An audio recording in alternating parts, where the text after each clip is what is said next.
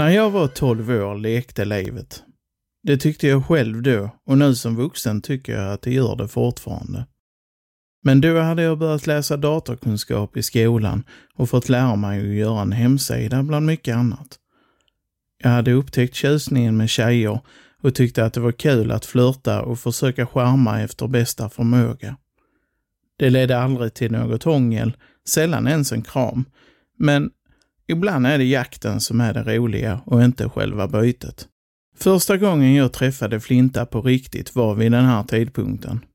Jag hade gått förbi honom i alla år, men det var nu jag pratade med honom för första gången och det var efter det här som vi blev kompisar. Efter det här så började jag cykla ner till BGS, ja, affären i byn alltså, enbart för att träffa Flinta. Och det gjorde jag oftast på fredagarna. Det föll sig så eftersom skolan slutade tidigt och när man tänker efter så var det som en kosmisk sammanstrålning av lyckliga omständigheter eftersom fredagar är en sådär bra dag. Man hade två lediga dagar framför sig och Flinta var på särskilt gott humör han också just på fredagarna. Han kände kanske också samma lycka över veckans två lediga dagar. Ja, nu jobbar ju inte Flinta mer än han absolut var tvungen till för att kunna föra ett leverna, men kanske kände han en glädje över att de två kommande dagarna så förväntades han åtminstone inte att jobba. Jag var på väg in på BGs för att köpa lite lösviktsgodis. Sura kolanappar och geléhallon och romerska bågar och sånt där annat gott som man kunde ha med sig vid datorn när klockan slog sex. Vad var det för speciellt med att klockan slog sex på kvällen kanske du undrar? Jo, det var så att då fick man nämligen äntligen lov att koppla upp sig på internet. Ni förstår, nu för tiden så har alla tillgång till internet i sina telefoner och bibliotek och datorer och överallt, nästan hela tiden. Men detta var på en tid då man fick ringa upp en anslutning via ett modem som var kopplat till datorn. Och gjorde man det innan klockan sex på kvällar och helger så kostade det skjortan på telefonräkningen. Och segt var det också. Man tyckte ju såklart inte det då, men med dagens mått mätt så var det riktigt segt. Inte allt för sällan så sökte man, eller jag i alla fall, efter bilder på någon av dåtidens pangbrudar, som Anna Nicole Smith eller Pamela Anderson. En bild kunde ta runt en minut att ladda upp. Idag får man upp bilder på ett ögonblick utan att väntan. Och det borde kanske varit oerhört störigt att sitta och vänta, men det var som julafton. Särskilt när bilden hade laddat över axelpartiet, så att säga. Det tyckte den tolvårige pojken i mig åtminstone. Hur som helst, det här handlar inte om dåtidens internet och teknik, utan detta handlar om Flinta. Och Flinta passerar jag på väg in i butiken, som jag hade gjort så många gånger förr. Du ser jäkligt nöjd ut grabben. Har du vunnit på Lotto eller något? Jag stannade upp och tittade bort mot bänken utanför affären. Där satt en reslig man iklädd björnpäls. Knapparna var uppknäppta och ölmagen som stack fram berättade att han hade ingen tröja under. Vilket inte var så konstigt, för det var över 20 grader varmt och inget väder för björnpälsen då precis. Vidare hade han ett par gråa mjukisbyxor och svarta trätofflor. Antagligen tillverkade av Tollarpstofflor bara några kvarter från affären. Bredvid honom stod ett dragspel på bänken och vid det vitmålade gjutjärnshandtaget stod hans het Agnes bunden i ett snöre. Nej, Flintis. Jag ska köpa godis och ikväll ska jag hem till min kompis Ralle och surfa på internet, sa jag glad i högen. Surfa? Rölade han. Jag har inte surfat sedan den där gången jag var i det varma Kalifornien. Jag grävde guld med min kompis Arvid. Det var tider det.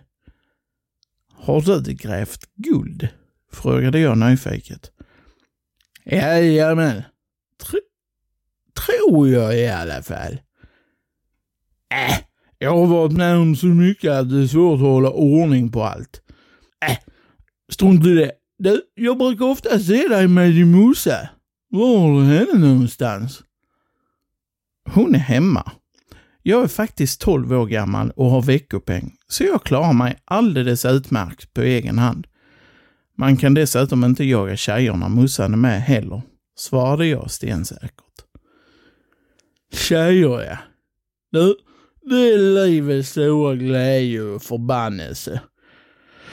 Jag hade en kärring en gång för länge sedan. Det är fint när man blir kär och så, men sen, sen blir det jobbigt.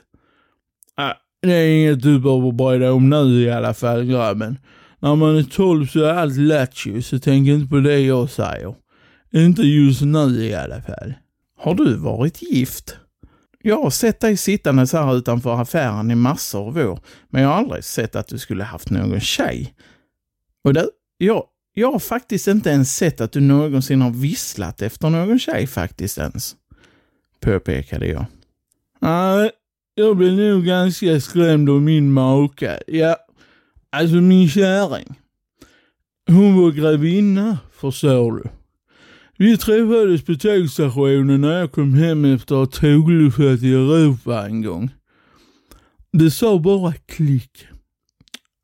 Äh, hon var så grann. Och så luktar hon smultron liksom.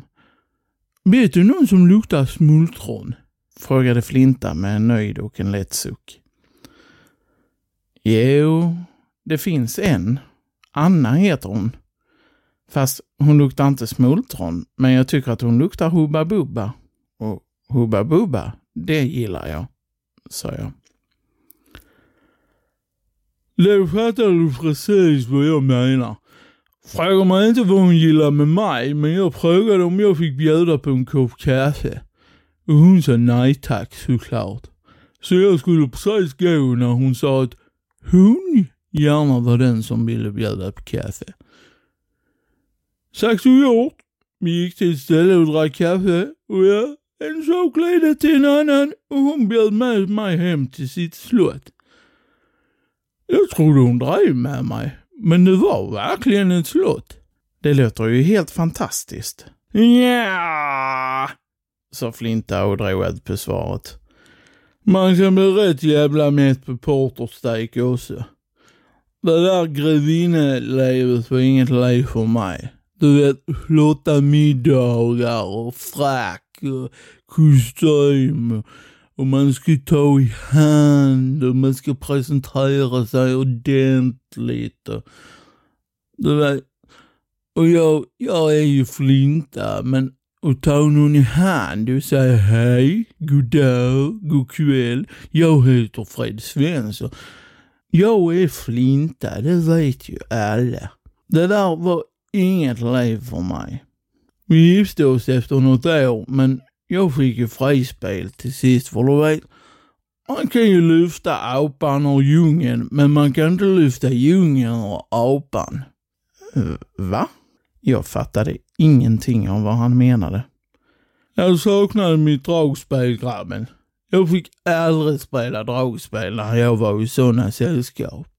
Aha, du menar så, sa jag och låtsades fatta helt och hållet. Du, den där Anna, hon som luktar hippie-hoppie eller vad fan det var när du sa. Om hon vill att du ska vara eller göra på ett särskilt sätt, så skit i henne. Så kärlek, det är att vara den man är från början med varandra. Om man inte kan vara sig själv med sin käring, då är det ingen käring att behålla. Nej, nu, nu måste jag tillbaka till det andra jobbepasset. Staketpasset väntar förstår du. Vi ses grabben, sa Flinta och plockade upp sitt dragspel. Jobbet, det var att spela dragspel och att hålla tummarna för att någon slängde några spänn i hatten. Och staketpisset, ja, det var folköl. Han kallade det så för att det rann rakt igenom honom lagom till att han passerade tolvlappskaross på hemvägen. Där han stannade cykeln med get och allt och sprang bort till staketet för att slå en drill. Min morfar som jobbade på karossen kom inte allt för sällan utspringande så var flöj förbannad över staketpinkandet. Och då brukade Flinta hoppa på sin cykel och vråla. Salig är tillvaron hos moder Maria, ty där man kan pissa i det fria skrockandes medan han cyklade de sista hundra metrarna hem, lycklig med sitt dragspel och sin get.